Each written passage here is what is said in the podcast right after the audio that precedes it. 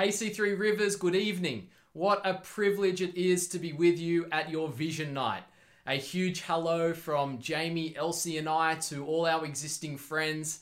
And a big thank you to Pastors Anna and Yadidja for inviting me to share my heart with you tonight about what God is doing on the earth in this season.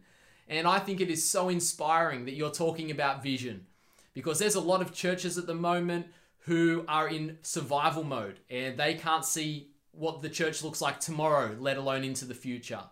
There are others who are looking backwards and trying to recover what was lost and trying to find a way to get back to how things used to be. But the church has changed, the world in which we live is changed, and I just think it's wonderful that you are talking about how to move forward and what God is doing on the earth. And there is so much to talk about.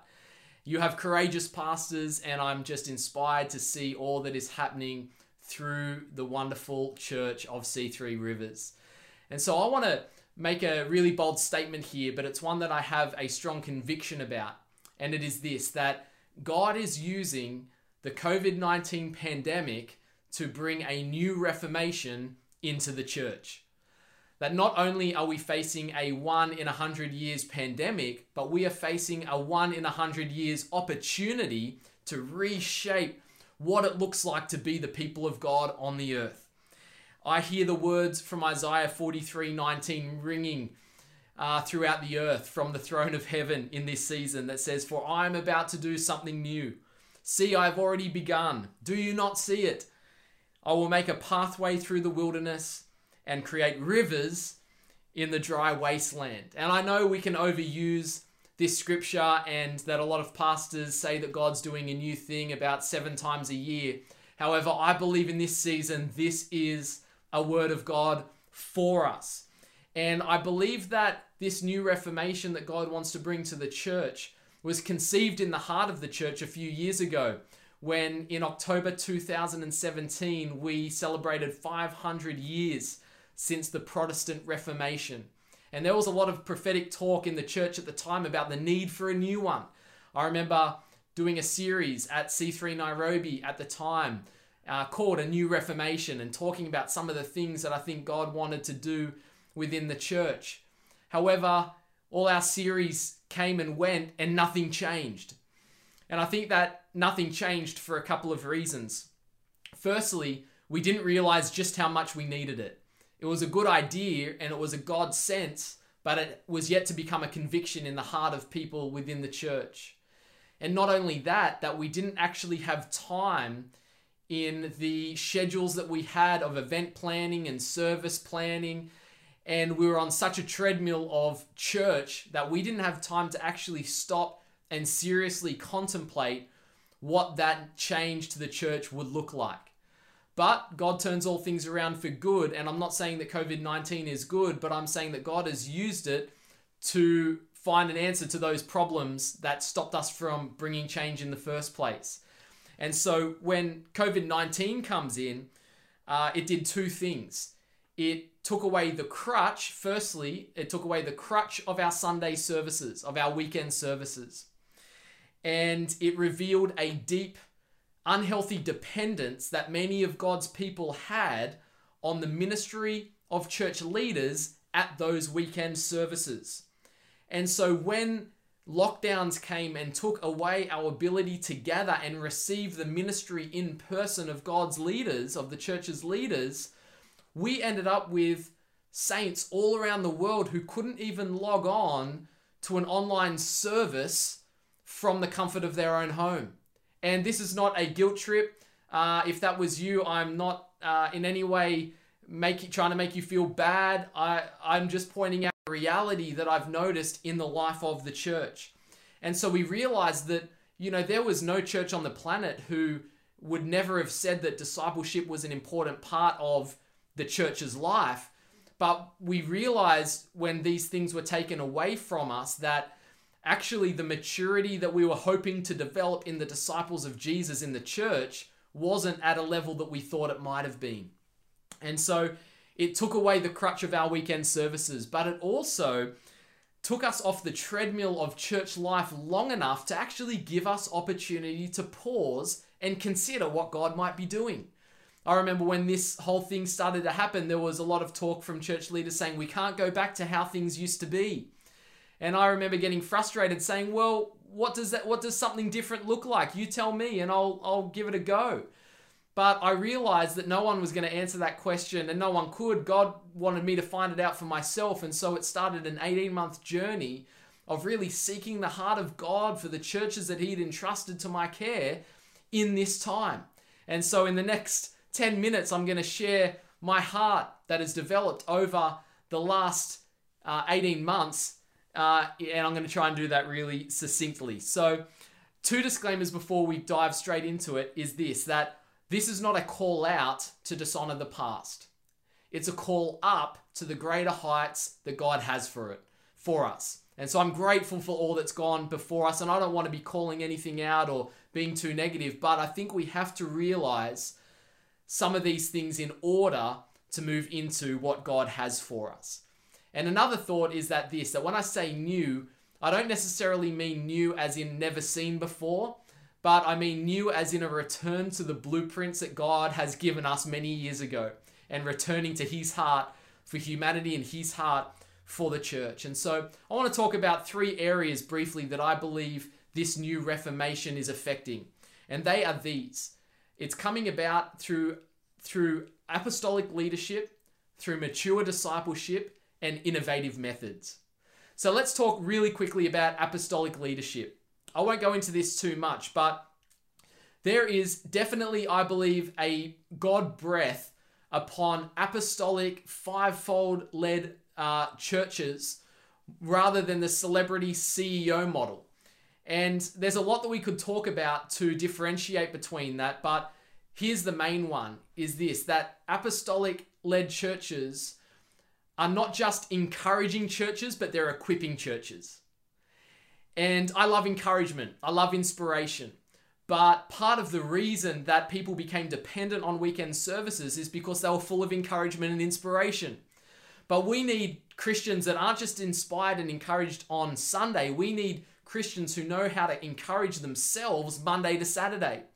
And we need church leaders who aren't the fountainhead of all ministry and encouragement, but that they are equippers of God's saints to know God personally and intimately and to be activated to engage the work that God has given them to do on the earth. And so there is an onus on church leaders, but there's also an onus on every member of the body of Christ because it takes someone who wants to be equipped to be equipped. And I believe that we need to raise up an army of Christians in this time who will answer the call of God on, on their life, who will not live just for the pleasures of this world, but recognize that they are temporary residents on earth and that they are on mission for God in the time that they've been given on this beautiful planet. And so, apostolic leadership is really important in this time. But mature discipleship, this is where we're headed. This is the target. This is the outcome. And as I mentioned, a lot of our crutches being taken away from us revealed that underneath the surface of that was some immaturity in the church that needs to be developed and grown. And so I believe that we are moving away from seeker sensitive church. I believe that we are walking away from a church model where the, the, the pastor is a spiritual salesman trying to sell an event, trying to sell a program, where we are trying to offer goods and services that meet the needs of every individual in the church. Now, some of that is helpful, but I believe that what this new Reformation is about is this it's a, a call to radical, mature discipleship where we are consecrated, where we lay our lives down, where we take up our cross, where we die to self, where we pledge allegiance to a new master, where Jesus is enough. We don't need the bells and whistles. We don't need to be sold anything because we have already been purchased with the blood of Jesus. And if that doesn't excite you, I don't know what will. If it doesn't excite you, maybe you signed up for the wrong thing. But there's good news is that we can sign up for the for the road of discipleship, for the high call of living and abiding in the love of Jesus and making a difference for Him on the earth. And so, for uh, mature discipleship for me looks like four things. It involves this self-governed spirituality, where every believer lives in a perpetual place of personal revival, where we don't need an external source to make us excited or passionate or inspired, but we know how to govern our spirituality so that we live lives that are marked by a hunger for God, a passion for God, and resilience no matter what comes our way. And so it also includes holistic transformation, where we are disciples who are being made holy, whole, and wholehearted, where we are actually becoming more like Jesus, where we are becoming more um, nourished and, and flourishing in our, our mental health and our physical health and our overall well being, where we are giving up the things and the habits and the patterns that used to keep us bound and in bondage, becoming like Jesus. I believe it involves, thirdly, healthy community, where we are not isolated, where we break the myth of God without church, where we recognize that we are born into the family of God with others, and that we learn to walk vulnerably, that we learn to contribute to the family, not just watch it, and where we live in unity, where we recognize that the only Christian response to conflict, there's only two of them forgiveness and communication. Gossip, criticism, things like that, leaving bitter, that's not an option because we are a family. And as we walk in healthy community, we walk in mature discipleship. And fourthly, in this regard, uh, missional living, where we have an army of saints who are activated in the call of God on their lives with the gifts that God has given them, making a difference in the way they live, the kindness and generosity generosity they show, sharing the gospel with people in their lives, not just waiting for Sunday to drag people to an event. But I believe that as we get all those areas in our lives, as we get our spiritual life, our transformational world, our community, our mission for God, as we have an army of saints who are living like that, I believe will change the world. But third, I want to talk about this and finally, innovative methods. That ultimately, at the end of the day, if what we were doing didn't get the results we were believing for, it only leaves us with one option, and that is to do things differently. And so I believe that reformation is the word for this season more than revival because revival traditionally has been about us crying out to God for Him to move. Whereas I believe reformation is about God crying out to us for us to move that we need to really assess how we exist as God's people and how we do church in order to do things in a way that produces the mature disciples that God intends. And I and, and so in the community that we're leading, we're assessing four different areas of our church. We're looking at te- temple, table, training, and technology. Temple being our Sunday services, where we are assessing everything from venue setup, run sheets, ministry style, in order to make that an experience for believers that gives them not just encouragement and comfort, but equipping them with tools for Monday to Saturday. We're making that an atmosphere where it's participatory and it has contribution. It's not just a spectator sport where people watch the people out the front, but it's somewhere that people can engage. And it's a place where we exalt God, where there's education, where there's equipping, and where there's the empowerment of the Holy Spirit. But we're also gathering around tables sharing meals together, sharing Jesus, and sharing lives all around the city. Because if anything COVID has revealed, I would say at the top of that list is that face to face relationship cannot be beaten and that we are designed to be in relationship with other people. And so we're believing that around tables, that the saints are going to do the work that God has called them to do and ministering to one another in that space. We're going to have training opportunities where we in, have intense and immersive uh, contexts where believers can learn and be trained and to gain skills and impartation needed for the work of God that He has for them. And so we're going to utilize college, C3 College, and other content and resources to train God's people. And finally, technology. It's not the main purpose of the pandemic, but or, or, and God's response to that, but it is a big part of it.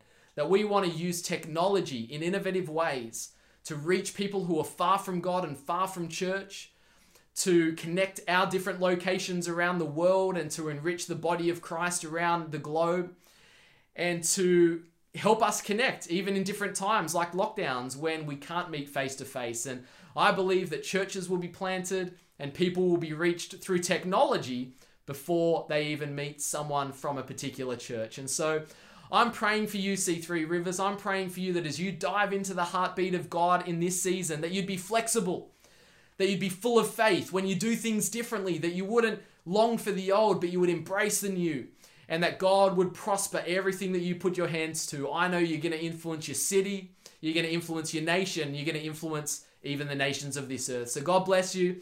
Thanks, Pastor Anna and Yadidja. Thank you, team. I love you, and I look forward to seeing you in person one day. Until then, God bless.